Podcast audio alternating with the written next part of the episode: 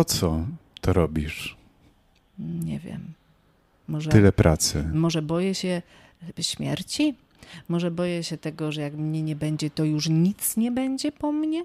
Może to jest taka chęć, żeby też, wiesz, nie tylko taki altruizm na zasadzie daję coś z siebie światu, bo to, bo, bo to wszystko jest piękne, ale może, tak, tak zastanawiałam się nad tym głęboko.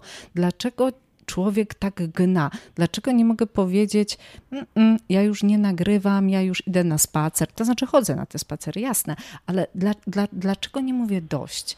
No nie mówię dość, bo ciągle jest coś do zrobienia. A dlaczego jest to ciągle ta, ta chęć, ten imperatyw rób, rób?